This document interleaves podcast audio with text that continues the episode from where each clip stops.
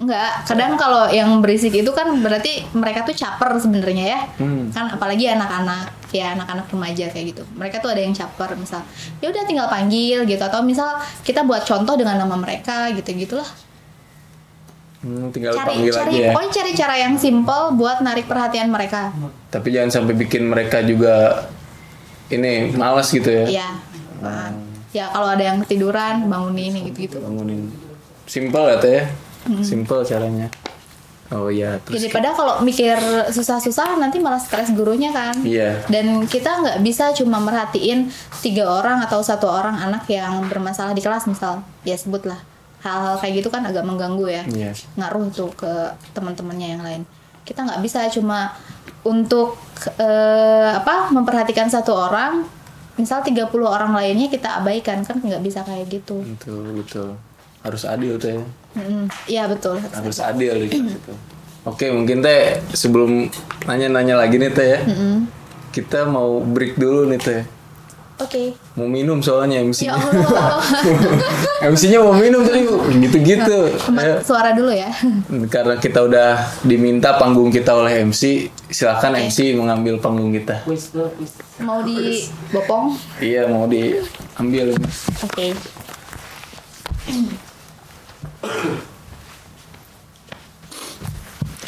Ya, eh, itu tadi pembicara eh, pembicaraan kita mengenai dunia kejermanan bersama Teh Hamna. Utamanya itu dunia pengajaran di dunia eh, apa ya maksudnya lembaga formal ya, lembaga formal sekolah. Jadi eh, apa saja kendala yang dihadapi, lalu eh, gimana sih cara menghandling siswa atau ada ber- ada berapa banyak ada berapa banyak siswa yang dihadapi setiap kelasnya.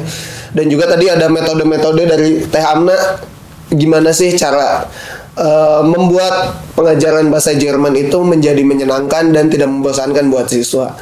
Nah, itu untuk sesi satu mungkin kita tutup dulu sekarang. Nanti akan kita buka sesi 2. Jadi nanti buat teman-teman eh, netizen layar IG yang memang mau tanya-tanya juga mengenai dunia pengajaran bahasa Jerman ke Teh Amna, itu bisa silahkan langsung eh, kirimkan pertanyaannya nanti akan kita sampaikan. Terus buat teman-teman juga yang ada di sini, buat yang mau nanya, silakan nanti eh, berinteraksi langsung, bisa nanya langsung ke Teh Amnanya dan mudah-mudahan eh, dari diskusi ini bisa jadi informasi yang menarik dan juga bermanfaat buat kita semua. Nah, sekarang kita break dulu. Nanti kita bakal live lagi sekitar jam berapa? 15 menit. 15 menit dari sekarang, ya. Jadi sampai ketemu lagi di jam 5 kurang 15. Oke. Stay tune on Instagram Deutsche Club BDG. Ya, berjumpa lagi di Dikte edisi 7 tema dengan tema hari ini dunia pengajaran bahasa Jerman dan eh, seperti itu yang teman-teman tahu hari ini kita kedatangan tamu eh, yaitu Teh Amna sebagai salah seorang pengajar eh, ya, di salah satu lembaga formal yaitu di sekolah dan kita akan membahas lebih lanjut dan lebih dalam mengenai seperti apa sih dunia pengajaran di lembaga yang formal gitu. Jadi buat eh, teman-teman nanti kita juga ada sesi tanya jawab yang mau tanya silahkan bisa langsung tanya aja di bawah. Oke. Selanjutnya buat AA moderator buat AA moderator dan bintang tamu kita Teh Amna waktu dan tempat saya persilahkan. Keprok atau barudak. Pak. Pak. Puasa. Masuk Pak, mau Pak. Puasa. Oke, kembali lagi kita masih semangat ngabuburitnya, teman-teman. Oke. Oke, ini ada satu pertanyaan ini. Kita balik lagi aja dulu ya ke awal deh. Boleh, jangan jauh-jauh ya. Eh, jangan jauh-jauh. Capek baliknya. Iya, balik ke siapa tuh? balik ke siapa tuh? Balik ke Kita ya. referensinya udah beda ya. Udah beda, beda udah. Lanjut ya, lanjut. Oke, lanjut. Dimohon Ya. kondusif. Dimohon kondusif. Audience chaos nih. Aduh. Udah. Pengajaran bahasa Jerman di sekolah tuh kayak gimana sih teh? Di sekolah ya teh, bukan privat kan itu. Iya, Di sekolah. oke. iya. Pengajaran bahasa Jerman di sekolah ya.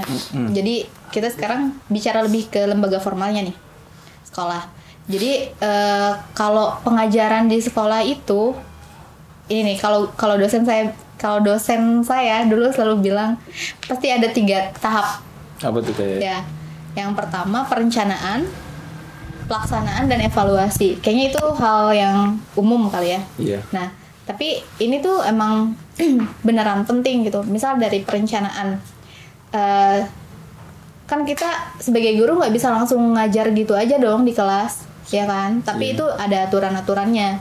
Nah, kalau di sekolah nih di lembaga formal, kita kan ngikut ke kurikulum ya. Kurikulum. Kurikulum yang sekarang apa coba ya? Kurtilas. Oke. Kurikulum 2013. Oke ada benar. Kirain kirain mau diselengein gitu.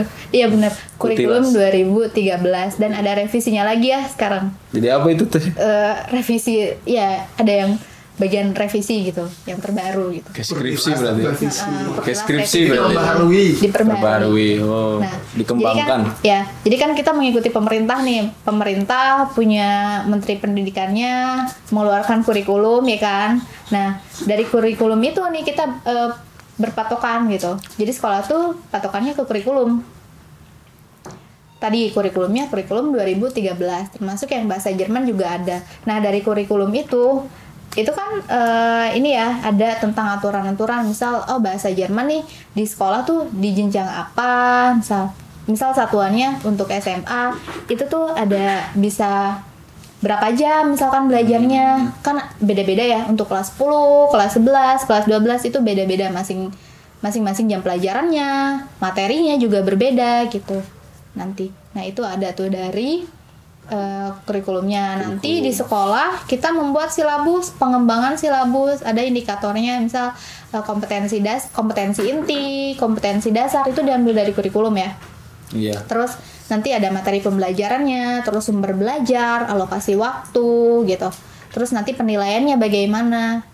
Belum kebayang ya Arya? Belum. Ah. Belum PPL saya, saya masih Belum pusing ya. ini. Nanti pas PPL ya kalau misal masih ada di kurikulum kampus masih ada PPL Pengen mungkin nanti dihapus kayaknya. ada. Iya, sayang banget sih kalau dihapus. Ya berarti ke PPG dong. Nah, nanti di PPG juga PPG apa? ada. Kayak kalau aku PPG teh pura-pura gendut. Sombong banget ini. Nah, Hah? Gak pernah ganteng. oh ya pura-pura ganteng. Berarti nggak Sebenarnya mah ganteng dong. Ganteng banget. Ganteng banget. Ganteng. Alhamdulillah ya Allah. Oke, tadi lupa lagi kan. Nah, jadi tadi dari pengembangan silabus itu, terus nanti kita turun nih bikin RPP. Oh, tapi sebelum itu, itu kan kurikulum yang dari pemerintahnya ya. Nah, yang melaksanakan kurikulum itu siapa? Ada koordinatornya lagi kalau di sekolah. Ada Wakasek bagian kurikulum. Nah, Wakasek bagian kurikulum ini yang beliau yang ngatur nanti misal saya pengajar bahasa Jerman nanti dapat kelasnya eh, kelas mana saja berapa jam hal-hal seperti itu lah ya. Terus nanti jadwal ngajarnya eh, kapan dan lain sebagainya. Misal nanti menentukan waktu untuk evaluasi belajar penilaian tengah semester sampai penilaian akhir semester penilaian akhir tahun itu kan oleh kurikulum Berarti teteh bener-bener ngikutin deh. Iya harus mengikuti mengikuti kurikulumnya. Nah itu kan ada pelaksananya ya. Iya. Terus nah tadi balik lagi tadi dari silabus kita bisa bikin yang namanya RPP rencana pelaksanaan pembelajaran. Jadi kalau idealnya guru itu sebelum masuk kelas itu dia menyiapkan RPP. Tapi ya eh apa kadang ya itu nggak nggak semua bisa langsung beneran ada draftnya terus kita ngajar gitu. Kadang ya kita paling nggak kita buat konsepnya kita tahu materi yang mau diajarkan apa caranya bagaimana mau pakai metode apa medianya apa gitu. Nanti kita ngajar di kelas gitu kan. Nah itu yang pertama tadi dari perencanaan. Terus eh, masuk ke pelaksanaan. Pelaksanaan. kan kalau misalnya di sekolah kita udah punya jadwal ya. Misal saya di sekolah dapat jam ngajarnya berapa jam nih? Contoh tahun ini saya dapat 22 jam. 22 jam itu saya ngajar kelas 10 dua kelas ngajar kelas 11 dua kelas dan kelas 12 nya dua kelas. Itu 22 jam seminggu teh. iya seminggu. Seminggu. seminggu. Saya eh, 22 jam itu nggak tiap hari ya. Senin Kam eh Senin Rabu Kamis Rabu Kamis saya full di sekolah Full. itu itu 22 22 jam ya Banyak Hitungannya. juga ya teman. Iya. 22 jam. Nah, terus kalau di kelas itu em, tadi kalau tadi sudah merencanakan ya sekarang bagian pelaksanaannya. Kita sudah menyiapkan oh, materi apa yang mau disampaikan. Misal eh, di kelas 11 ada materi tentang Essen und Trinken. Oh, Oke, itu yang diajarkan gitu. Terus kan nggak cuma ngajarin sekedar materi bahasa Jermannya saja ya, bukan cuma mengajarkan bahasa Jerman, tok, tapi ada lagi kita harus menyisipkan literasinya sesuai yang sekarang tuh ada tuntutan untuk literasi gitu. Terus mengajarkan bahasa itu tidak terlepas juga dari mengajarkan sastra harus ada dimasukkan kan kayak lagu, puisi atau apa? Apalagi contoh sastra, Bapak? Teater. Teater pidato Pidato. kan jauh ya ya kayak gitu misalkan lagu atau puisi Film. puisi pendek atau ya Film bisa pendek. dari film misalkan kayak kayak gitulah ya itu kan masuk ke sastra budaya Heeh, ada budayanya juga misal mengajarkan tadi Essen und Trinken makanan dan minuman kan kita kita juga ngajarin misal oh perbedaan makanan orang Indonesia orang Jerman waktu makannya misal atau kebiasaan makannya bagaimana itu kan mengajarkan budayanya juga cara mesen makanan di restoran itu Iya, ada misal. Kalau mesinnya di warteg. Cus nggak ada di Beda ya. Misal nanti eh, pesan makanan bagaimana tuh? Cusa order getren mau bayarnya misal nanti eh, sendiri atau barengan digabung gitu kan. Banyak lah ya hal-hal kayak gitu. Terus eh terus habis yang pelaksanaan terakhir apa? Evaluasi evaluasi. Nah, evaluasi. Jadi setiap selesai belajar itu kita ada evaluasi misal anak tuh dikasih soal tentang materi itu ya, yang materi yang sudah dipelajari dalam satu hari. Nah, karena kan guru tuh harus punya nilai ya buat murid. Karena buat eh, apa? nggak mungkin peserta didik itu bisa tiba-tiba ada nilainya di rapot tapi kan harus ada prosesnya gitu nah si proses pembelajaran di kelas itu misal yang setelah selesai jam belajar ada evaluasinya yaitu yang dijadikan nilai kan. Dikumpulkan nanti terus misal ada PTS penilaian tengah semester istilahnya baru lagi ya. Eh, Bukan UTS. PTS ya bukan UTS PTS penilaian tengah semester. Terus itu kan ada raport lagi ya kalau di sekolah. Terus nanti eh, belajar lagi. Terus di akhir semester ada PAS penilaian akhir semester. Nah dari penilaian akhir semester berarti kan itu baru semester satu ya? Iya, dapat nilai mereka bagi rapot libur. Masuk lagi semester 2 gitu lagi. Polanya sama. Nanti ada PA eh, ada PTS lagi dan di akhirnya PAT penilaian akhir tahun. Baru kenaikan kelas. Oh, PAT itu PAT penilaian akhir tahun. Akhir tahun. Hmm, jadi beda istilahnya. Semester 1 PAS semester 2 PAT itu kalau istilah di sekolah ya. Kayak kalau ganjil PAS kalau semester. genap PAT, PAT. akhir tahun. Hmm, gitu. Habis itu biasanya guru-guru tuh eh, dewan guru ya ada rapat buat misal apa Kenaikan ini, kelas. ah, tentang siswa gitu. Nanti anak ini bagaimana perkembangannya naik kelas semua enggak gitu. Kan di situ ada dibahas Eh, kalau kalau kasus-kasus apa Teh Amnai sendiri jadi wali kelas tuh. Wali kelas namanya sekarang masih wali kelas? Ya wali kelas. Enggak kalau wali bisa kelas. oh kalau wali kelas enggak teh? Enggak Enggak. wali murid belum bisa ya? Belum punya bisa. anak ya? Ya. Ngode ini buat siapa? Belum belum belum. Kalau wali wali kelas belum. Belum. Yang Hmm. lain oh berarti kalau sekarang setiap pertemuan pasti ada evaluasinya teh? Apa enggak Iya, ideal, idealnya harus Idealnya ada. harus ada. Atau paling nggak ada tugas gitu kan, tugas latihan, soal kayak gitu. suka misalnya kalau habis kan teteh satu hari nih ngajar dua kelas misalnya kelas 10 dan 11 apakah teteh suka dalam perencanaannya suka aduh suka ribet atau gimana teh kan beda materi gitu ya Iya. Nah, di situ sih tantangannya juga ya. Misal dalam satu hari itu ada tuh misal saya harus ngajar kelas 1, ya kelas 11, eh kelas 10, kelas 11, kelas 11. 12, sorry. Nah, itu kan lumayan ya, maksudnya karena materinya beda, ya kan? Jadi harus beneran mikir gitu. Oh, nanti langsung switch switch materi, switch eh, di otaknya gitu. Oh, dari kelas 10 nanti ke kelas 11, nanti ke kelas 12 gitu.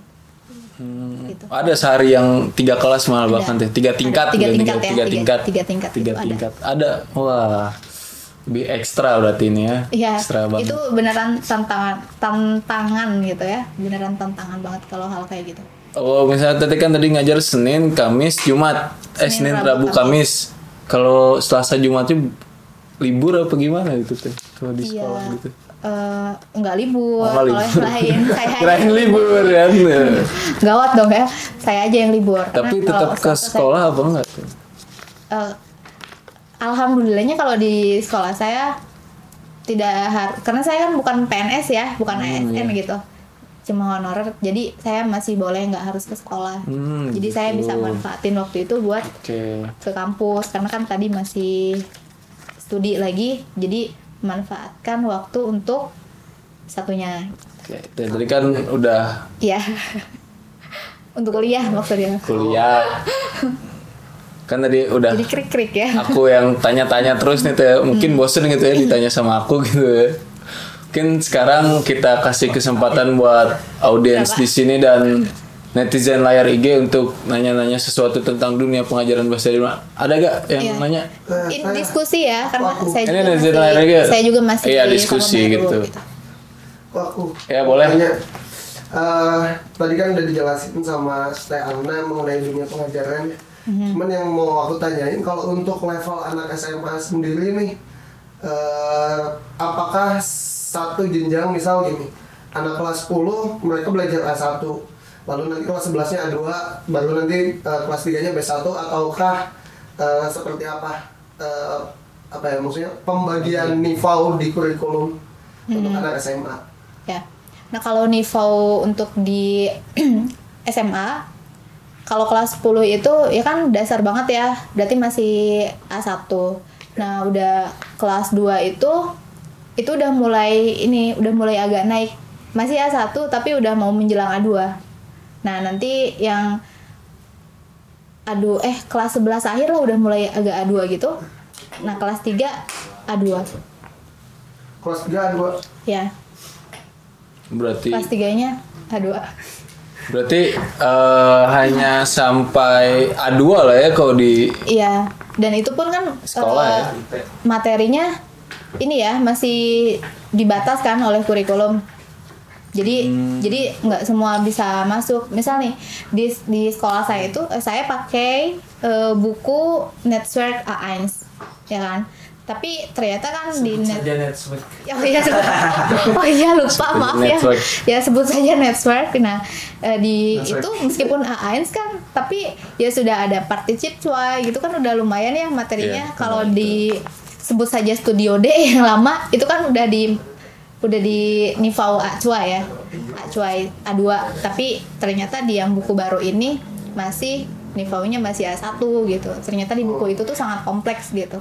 Jadi mau pakai buku Emang rujukan buku. sumber belajar itu ya nggak bisa saya ajarkan semua jadi harus dipilih-pilih karena nggak semua materi di buku itu ada di eh, kurikulum gitu. kurikulum. karena beneran dibatas gitu kelas 1 materinya apa kelas 2 kelas 3 beda-beda kan gitu materinya Ya, Berarti kalau dari pemerintah belum ada buku yang sesuai kurikulum gitu ya teh ya? Ya, Untuk maksudnya. bahasa Jerman. Jadi eh, ini mungkin saya boleh lanjut nanya. Boleh lanjut Boleh, aku. Eh, kalau yang dijadikan referensi utama nih oleh Teh Amna untuk mengajar bahasa Jerman itu materinya dari mana? Eh, materinya Ya referensi Dari- utamanya kan tadi eh, ya dari ada buku dua, itu ya Mhm. dua apa namanya dua buku yang disebut ya dua buku tadi yang disebut saja network dan studio D ya yang jadi utamanya yang mana nih? Studio 12. Studio is campur sih kali ya. Enggak Plus. tidak ada yang beneran tidak ada yang benar-benar dijadikan oh saya eh, benar-benar berpatokan kepada buku ini. Tidak. Karena yang di sekolah yang kami punya itu yang banyak justru buku yang baru. Studio D kami dulu nggak punya. Punyanya hanya.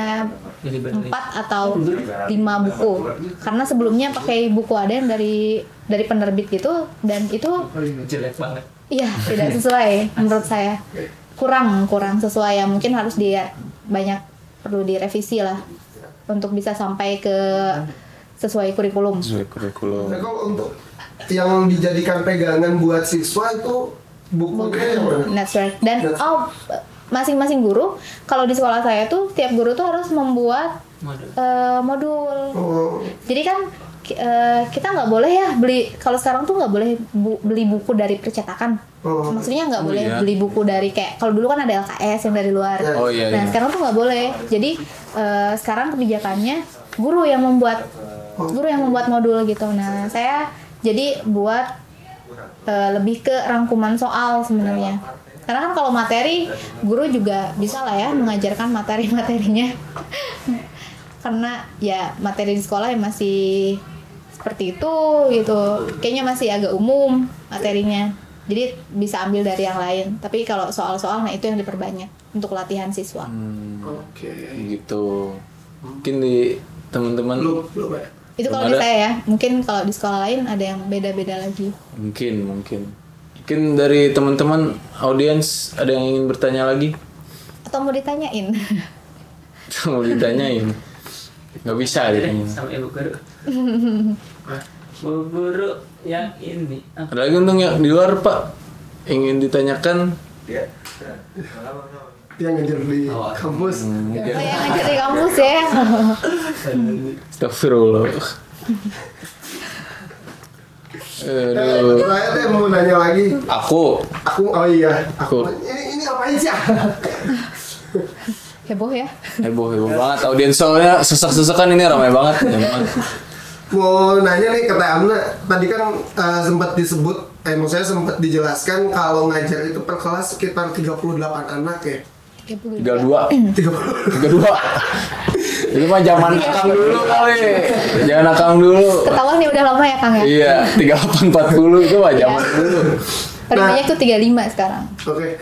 Nah, eh, da- ya gini lah. Berarti kita anggap dalam satu kelas itu ada sekitar 30 kepala dengan waktu belajar atau kesempatan belajar itu terbatas hanya enam bulan berarti ya di sekolah untuk satu semesternya. Eh, iya, tapi mungkin perlu dikoreksi nggak sampai enam bulan kan?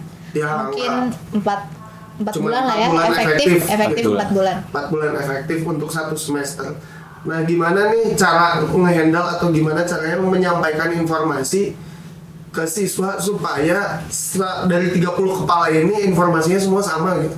Jadi minimal materi yang mereka dapat itu semuanya keterima sama 30 kepala. rata gitu pemerataan Ah. informasinya gitu ya Kan ini yang sedikit Berbobot ya pertanyaannya. iya ya karena ini kan Iya. yang sedikit apa ya challenge gitu buat teman-teman utamanya yang Guru. mungkin mau jadi ingin. guru gimana caranya nyampein materi ke 30 kepala 30 30 nya materinya harus sama kan gitu ya Iya benar.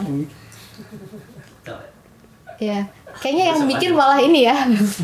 Gimana ya? oh belum kalau guru ngaji kan satu-satu tuh yang Oh bisa iya.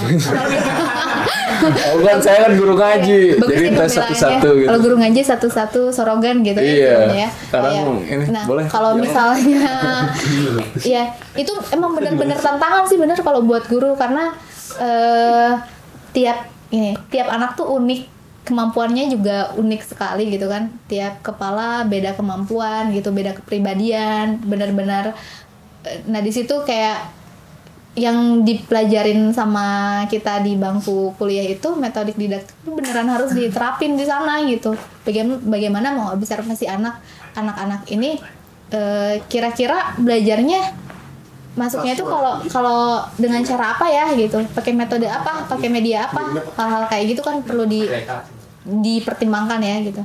Nah, mungkin kalau caranya kita nggak bisa ngajarin misalkan pengen satu materi nggak bisa ngajarin langsung plek tapi beneran harus eh, langkah-langkahnya tuh harus bener banget dipikirkan dan pelan-pelan kalau ngajar anak itu Hmm. ya kan? beneran pelan-pelan dan dicek lagi diulang lagi diulang lagi kayak gitu apalagi kalau di sekolah saya kayak gitu ya dengan tipikal anaknya. Jadi harus yang beneran ah diulang lagi diulang lagi. Terus nanti mungkin dengan keliling kelas gitu kan ya hal-hal seperti itu tuh beneran hal-hal kecil tapi beneran perlu diperhatikan banget gitu kan. Kalau guru nggak bisa ya kita cuma diam di kursi di meja guru duduk kan nggak bisa apalagi ngajar bahasa itu ya karena itu nggak saya banget setuju karena memang eh, ya itulah bakal bakal beda pena pemahamannya anak yang duduk di depan sama yang duduk di belakang kan Iya, gitu kali ya. betul. Apalagi yang duduknya di luar. dan apalagi nggak masuk kelas ya nah itu juga jadi alasan kenapa saya tuh selalu minta anak-anak itu buat rolling duduknya Oh sambil rolling.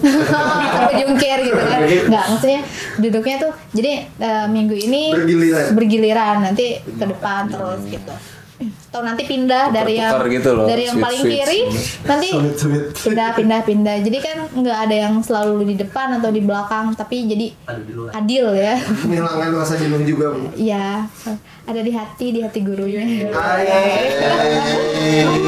Tapi cukup gak sih teh yang kira-kira kalau eh, empat bulan efektif itu menyampaikan materi, yang Materi. ada di kurikulum itu Ya mau nggak mau harus bisa, ya? Karena kan dari awal tuh, oh ada yang belum dibahas ya. Jadi di awal itu kan eh, pengajar itu yang sebenarnya kalau ngajar itu tuh beneran kalau kata saya have fun sih ya beneran menyenangkan. Cuman yang kadang bikin agak mumet buat guru-guru itu adalah administrasi yang sangat menumpuk. Bahkan kita tuh bukan cuma kerja waktu di sekolah di rumah pun kadang ya kita begadang ngerjain administrasi gitu ya. Nah eh, tadi itu kalau untuk materi kita kan lihat ya minggu efektif sekolah itu kapan nanti ada lagi program tahunan program semester nah di situ kita ditata nih oh materinya tadi apa aja misal kita punya punya empat bab dalam eh misal satu semester kita punya dua materi Dua misal. materi. ya dua bab besar gitu dua dua tema nah itu tuh kita lihat lagi nanti kita breakdown lagi. Oh satu materi ini satu tema ini nanti di bawahnya sub subnya ada apa gitu. Nanti kita lihat oh ada berapa minggu. Ya kita masukkan gitu. Misal eh, Januari ada tiga minggu efektif. Ya berarti masukkan tiga minggu. Berarti bagian apa? Nanti Februari bagian apa? Maret apa gitu. Berarti harus teratur ya teh ya? Iya. bisa seenaknya lah gitu. Dibuat eh, programnya. Program tahunan program semester dan minggu Hmm. dilihat dari minggu efektif mau lihat minggu efektif dari mana dari kalender pendidikan Hmm. awalnya dari kalender pendidikan yang dari dinas, terus kan disadur lagi ya di sekolah mungkin ada hal yang beda dengan kegiatan di sekolah jadi buat lagi kalender pendidikan sekolah, Sekolah. kalender akademik sekolah gitu nanti guru baru lihat gitu buat administrasinya dari sana Hmm, Patokannya lumayan kompleks itu ya. iya, betul. Saya juga dulu nggak kepikiran, oh seribet ini ya ternyata. Kirain ngajar aja gitu. Nah, kirain cuma ngajar ketemu anak, haha, bisa hahaha gitu kan ya. Maksudnya ada candanya. ada candanya Ternyata oh, administrasinya lebih banyak loh gitu. Belum lagi nanti evaluasi kayak sekarang nih, eh, sekarang itu sedang di sekolah itu sedang masanya untuk penilaian akhir tahun kan. Iya. Eh, minggu lalu selesai. akhir semester mungkin Iya, minggu lalu itu selesai dengan itu PAT ulangan ya. Nah sekarang bagian pengajarnya, bagian gurunya yang membuat penilaian gitu. Jadi sekarang lagi ngolah nilai nih guru-guru. Oke. oh ya Eh, boleh boleh boleh silakan silakan kalau untuk eh, dunia, maksudnya di lembaga yang formal lah ya, eh, kita juga tidak memungkiri tidak semua anak akan mendapatkan hasil yang sama di akhir semester atau di akhir tahun.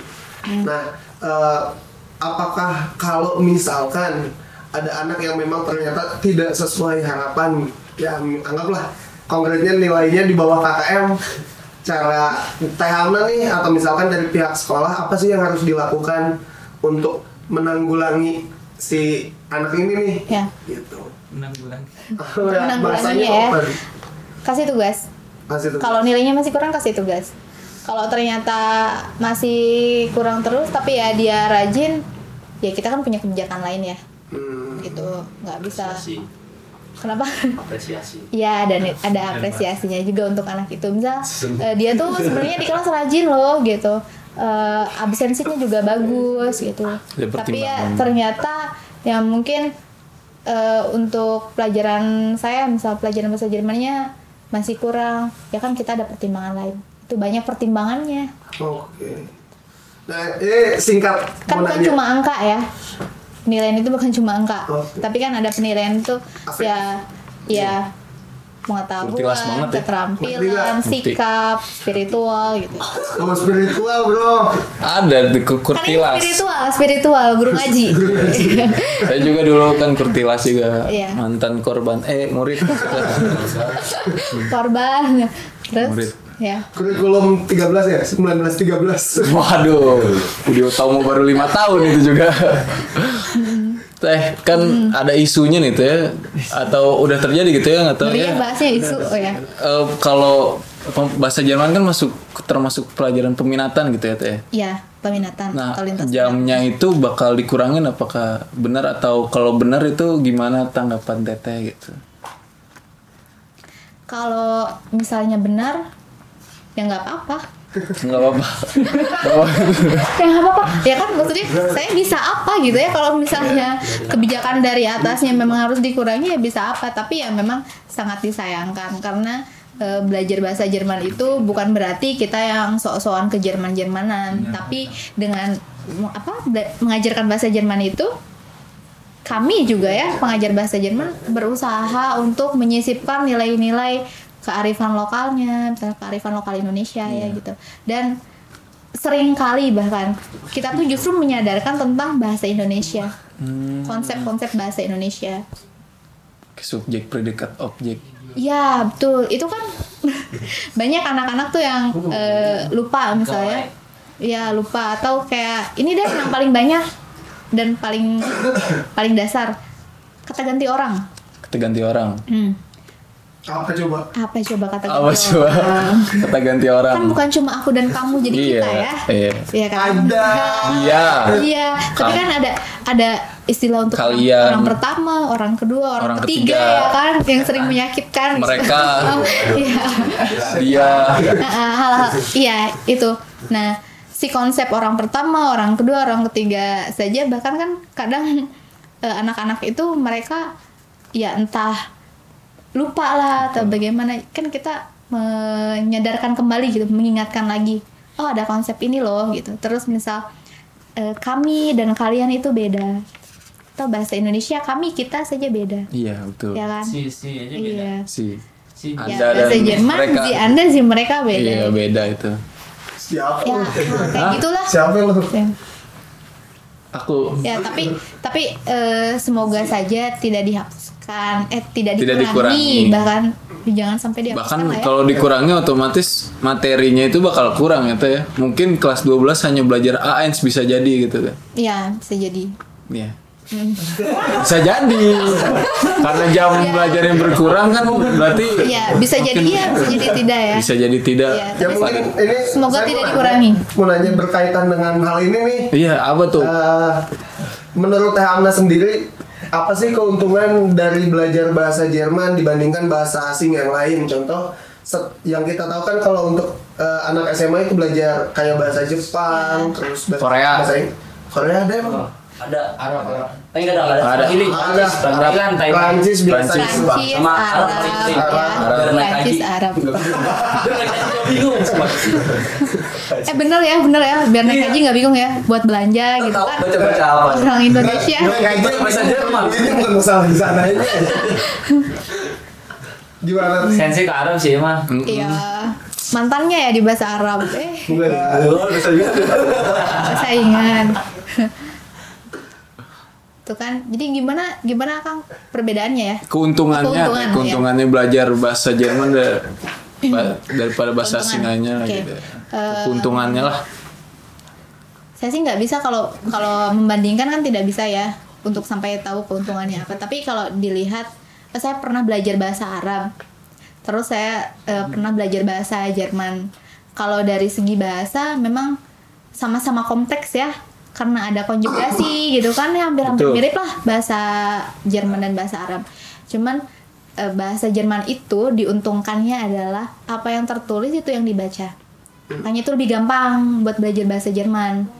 Terus eh, senengnya adalah kan banyak banyak banget ya sejarah-sejarah dunia itu yang terlibat dengan Jerman, Jerman. ya kan? Jadi banyak kita bisa banyak baca buku referensi yang emang yang berbahasa Jerman itu lebih gampang gitu. Jadi bisa tahu cerita tuh lebih yang dari yang aslinya loh gitu. Dari sumbernya langsung gitu. gitu. Dan kan kayak Bisa eh ya bisa Ausbildung ya kan? Banyak ya kan? Eh, apa mungkin selain yang formal ya banyak yang lembaga-lembaga privat atau kayak buat yang Ausbildung banyak yang misal oper atau Festival. banyak juga ternyata yang kuliah kan akhirnya di Jerman, Di Jerman. untuk studi di Jerman. Kan Jerman jadi negara apa tujuan yang Untuk banyak diminati ya buat kuliah gitu Arya juga mau katanya Amin. ambil bahasa Arab ya. Iya. Saya Arab, Arab Jerman juga. Iya. Habis Ya, ini ya ngajar ngajinya pakai bahasa Arab. Betul. Iya. Ah, PAI di sana. Baik. sekalian dakwah Hamburg ya ya? Hah? Di Hamburg ngambil PAI. Hamburg PAI. Kalau lagi puasa gitu teh cairan lidah mengurang gitu. Eh cairan cairan ludah. Oh enggak kan tadi dibilang bukan yang tadi dibilang kebahasaannya bahasanya menurun. Kebahasannya menurun. Kebahasannya Iya menurun udah tambah udah sore. sore, bukan karena puasa loh, karena sore. Ya, ah. Puasa Jangan bukan. dijadikan alasan. Betul Iya. bang. Eh, jangan dijadikan alasan. Jadi mungkin karena- nanya Oke. Mana? Jimmy, Jimmy loh. Oh Jimmy. Jimmy, udah Jimmy. Oh Jimmy Jimmy apa Jimmy? yang lagi pusing itu. Iya, pertanyaan apa itu? Coba. bahasa Jerman kan bukan mata pelajaran umum jadi langkah yang paling efektif untuk menarik murid suka belajar bahasa Jerman gimana biar suka belajar bahasa Jerman gimana Hmm. Oke. Sering Oh, tar dulu. Ini tuh jadi kayak nyambung ke yang tadi ya, karena bahasa Jerman itu lintas minat. Iya. Nah, kalau di beberapa sekolah mungkin ada angket gitu ya. Jadi anak ini minatnya ke pelajaran apa atau misalkan bahasa asingnya maunya apa gitu. Nah, tapi kebetulan di sekolah saya kan hmm, siswanya juga tidak terlalu banyak. Jadi eh, memang sudah ditentukan oleh sekolah. Ya, ditentukan, ditentukan oleh sekolah. Jadi nanti kelas mana yang akan belajar apa gitu. Contoh atau untuk belajar bahasa Jerman tuh sudah ditentukan kelas mana. Jadi nggak ada lagi yang oh, lintas minat tapi dia milih sendiri Oh, sesuai. berarti bu- bukan siswa Enggak, yang enggak milih ya teh ya. Enggak. Iya sih. Memang. Jadi kayak kayak kayak seolah terpaksa. Kayaknya IPA belajar Jerman atau enggak? Atau gimana cara Ada. pembagiannya gitu? Iya, jadi memang sudah diplot Diplot kan. dari, Dari sekolah angkatan. gitu. Perangkatan. Nih Kalau kan saya milih sendiri. tahu juga. Ya. Ya kan? Kan eh, tadi balik lagi. mau dipaksa lu Pelaksana kurikulum yang di sekolah itu kan punya Itu jadi punya baru tapi kan. kebijakannya masing-masing lagi kan. Nah, nah, mungkin kalau di sekolahnya Arya tadi Arya bisa memilih gitu Iya. kan. Arya mau masuknya yang pelajaran apa. Mm-mm. Ya. Lintas Tapi minat. kalau yang di sekolah saya jadi sudah ditentukan gitu. Oh, Jadi bagaimana mungkin nyambungnya membangun mood anaknya kan ya buat Iya. belajar. Itu tantangan juga tuh. Ya, Emang ini mungkin berkaitan karena se- kalau aku sih baru tahu maksudnya ada sistem plot lintas paksa ini. iya Tapi bahasanya lintas alam. Nah, kalau misalkan Lintas Surabaya. kalau misalkan ternyata dengan sistem lintas paksa ini ada anak yang ternyata memang nggak mood sama bahasa Jerman atau nggak mau gitu. Gimana cara eh maksudnya eh, jalan keluarnya seperti apa?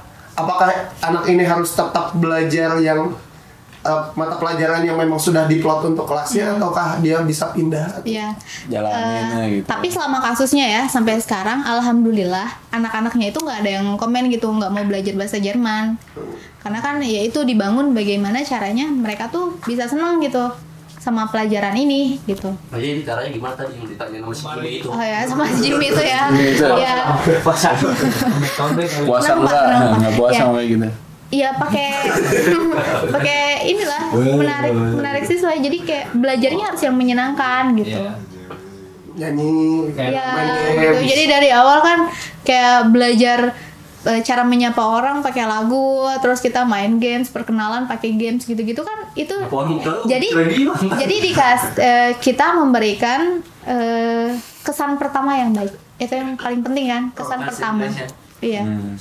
Itu penting eh, betul ya, benar-benar penting. Karena ngebangun mood, ngebangun emosional antara guru, antara pengajar dan peserta didik juga. Iya yang bikin anak muridnya itu bakal jadi wih nanti Jerman keuntungannya ini nih kalau misalnya kita belajar bahasa Jerman yang bikin dia menarik itu apa agak kukis Ya, ya. Kalau anaknya belajar bahasa Jerman cuma Kalau buat anak SMA masih kurang deh. Iya. Kalau buat Iya. anak kuliah mungkin itu ya baru ya kan kuntum. caranya mungkin dengan hal yang berbeda contoh misal mungkin eh, caranya adalah gurunya yang harus menarik cantik ya ya misal gurunya Iya. harus, gurunya harus yang Gak usah. gurunya gurunya harus yang guru harus menarik harus energik gitu. Karena untuk membangun moodnya. Karena kan kita mungkin anak itu suka dengan pelajaran ini karena alasannya beda. Oh ya ya. oh saya suka gurunya gurunya baik. Misal gurunya menarik. Terus oh pelajarannya menyenangkan. Oh suka ada games misalkan ada nyanyi. Misalkan kan eh, apa preferensi orang beda-beda ya. Ada yang senang belajar dengan cara apa atau karena keterkaitan dengan eh keterkaitan emosional dengan guru yang membuat dia akhirnya nyaman dengan satu pelajaran. Itu kan beda-beda preferensinya Bisa belajar seperti itu. Iya. ya bagaimana Jimmy? Bingung kan ya?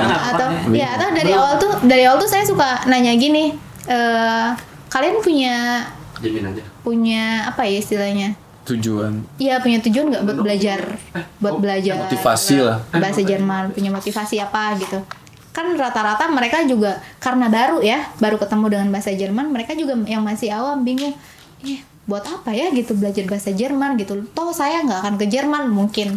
Mungkin. ya mungkin Mungkin. mungkin belum kepikiran. belum terfikirkan Who karena saya juga dulu nggak kepikiran ke situ sama sekali. Nah tapi di situ jadi justru di situ celah kita untuk memasukkan eh, motivasi ke mereka gini. Eh, kalian itu dengan belajar bahasa sama dengan membuka cakrawala kalian gitu. Membuka pengetahuan kalian ya kan? Betul. Jadi bukan jembatan. carakan nyanyi Jadi jembatan bahasa itu sebagai jembatan. Iya, itu sering banget ya dijadiin tema gitu kan kayak tema acara ya kan untuk jembatan ke masa depan ya kan dengan bahasa itu. Misalnya gitu kalau kita punya satu bahasa kan nggak nggak susah buat Masih komunikasi. kurang lah istilahnya. Ter- terbukti tadi juga ya omongan yang mau ikutan olimpiade itu Ya, apa namanya animo masyarakat ya. Antusias. dengan- Antusias. Terus Antusias. sekarang udah eh, bahasa Jerman juga kan udah bekan ya, bekan. Beken. Iya, beken lah ya. Beken. udah udah terkenal juga bahasa Jerman ada olimpiadenya bahkan banyak yang kuliah di Jerman ada tokohnya juga misal kayak Pak Habibie banyak hal eh banyak yang tokoh lain juga Kalau gitu. sekarang kan yang hit. Siapa? Itulah Gi- Gita itu Sap. yang youtuber ya kan? Gita- banyak Gita- banyak yang Jerman kuliah jadi youtuber gitu. Belum Iya. Aja. itu banyak lah yang yang bisa dijadikan motivasi sebenarnya banyak tergantung bagaimana kita menyampaikan Betul. Oke teman-teman, kita sudah tepuk tangan, tepuk tangan boleh, tepuk tangan boleh, boleh, boleh. Ini bahasannya seru banget ya, makin ke sini makin, aduh, tapi nggak terasa gitu. Apa? Kenapa? Habis. terpause Dah. Lanjut. Oke. Karena sekarang sudah mau memasuki azan maghrib dan sudah di akhir acara gitu ya untuk teman-teman. Terima kasih eh, sudah mengikuti. Mungkin kalau ingin tanya boleh medsosnya teh apa teh medsosnya gitu. Iya, eh, bisa diikuti di Instagram @amnanun atau di Facebook ada Amnan Wardiana, di Twitter juga. Oke, jadi kita tadi udah ngebahas tentang dunia pembahasan bahasa eh dunia pengajar pengajaran bahasa Jerman banyak ya kayak eh, sama seperti minggu sebelumnya gitu ya. Kendalanya itu eh, seperti kendala dari kitanya kita yang merasa ilmunya kurang yang nggak pede lah kitanya gitu ya. Terus kendala dari eh, murid kendala dari murid muridnya itu seperti muridnya mengantuk saat misalnya pelajaran siang gitu ya moodnya. Dan dinaikinnya itu solusinya dengan belajar eh, memakai media lagu games gitu ya teh ya. Terus untuk eh, pengajaran bahasa Jerman di sekolah itu ada tiga aspek lah menurut Teh Amna ini yaitu perencanaan pelaksanaan dan evaluasi. Perencanaan itu ya ki- gimana kita merencanakannya eh, beracuan berpacu terhadap kurikulum yaitu yang sekarang kurikulum 2013 dari kurikulum masuk ke silabus ya teh ya dari silabus ke RPP RPP itu eh, guru gurunya sendiri gitu yang buat ya. Rancangan ya. Terus untuk di pelaksananya itu kita juga nggak ngajarin bahasa Jermannya aja tapi ada sastranya seperti lagu juga tadi ya. Mungkin eh, puisinya dan eh, film-filmnya dan cara tata cara eh, budayanya juga dan misalnya tata tata, tata cara makan, minum Iya, gitu di sana bahasa lah. budaya sastra Bahasa budaya sastra gitu. BBS. Ya terus untuk evaluasi evaluasinya kalau di sekolah itu pertama ada kayak apa evaluasi ya tiap pertemuan ya lebih baiknya ya terus ada juga eh, penilaian tengah semester kalau di sekolah itu dan penilaian penilaian akhir semester kalau semester genap. Akhir itu akhir tahun. Akhir semester kalau semester genap itu semester 2 kan sekarang ya teh? Akhir tahun. Penilaian akhir tahun. Penilaian akhir tahun. Sensor Betul. kan, benar. Betul, semester genap. Iya semester genap. Udah seperti itu.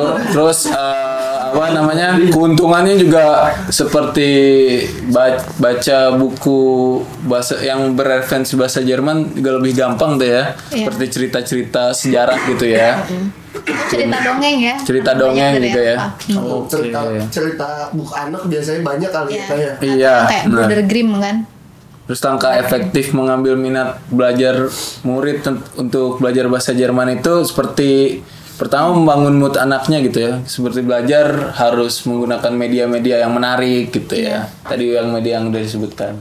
Sekarang kita motivasi udah- juga ya. Motivasinya ya. Dan yang paling penting karena kan eh, pendidik ya bukan cuma mengajarkan materi tapi mendidik. Jadi harus benar menyisipkan moral. nilai moral. Mantap. Jiwa. Sekarang ini emang audiensnya emang suka ris- lucu eh lucu gitu ya lucu rusuh gitu aduh karena emang di sini sesak gitu ya banyak yang nonton maaf yang diri ya maaf ya yang bisa masuk karena penuh maaf banget ya minggu depan bakal ada lagi eh minggu depan Ada ada. Minggu depan ada lagi. Oke. Oke, terima kasih untuk teman-teman yang sudah menyaksikan Dikte 7 kali ini bersama Teh Amna terima Nurdiana. kasih ya sudah diundang ke Deutsche Club Ya. Ulang tangannya. ya Keren banget.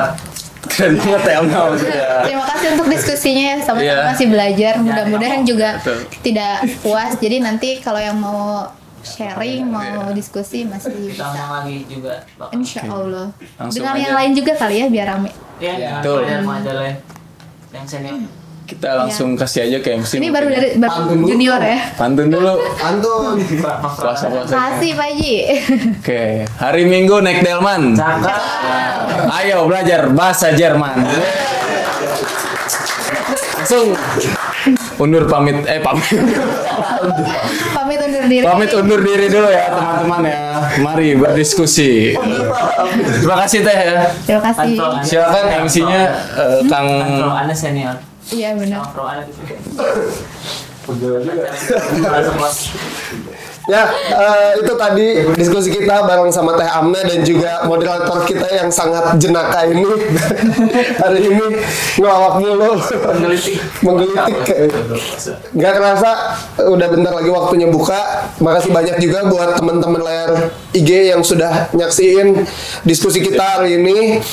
Eh, tetap eh, pantengin terus Instagram @deutschclubbdg dan juga ton, jangan lupa saksikan diskusi tematik edisi-edisi berikutnya di ha- di hari Rabu.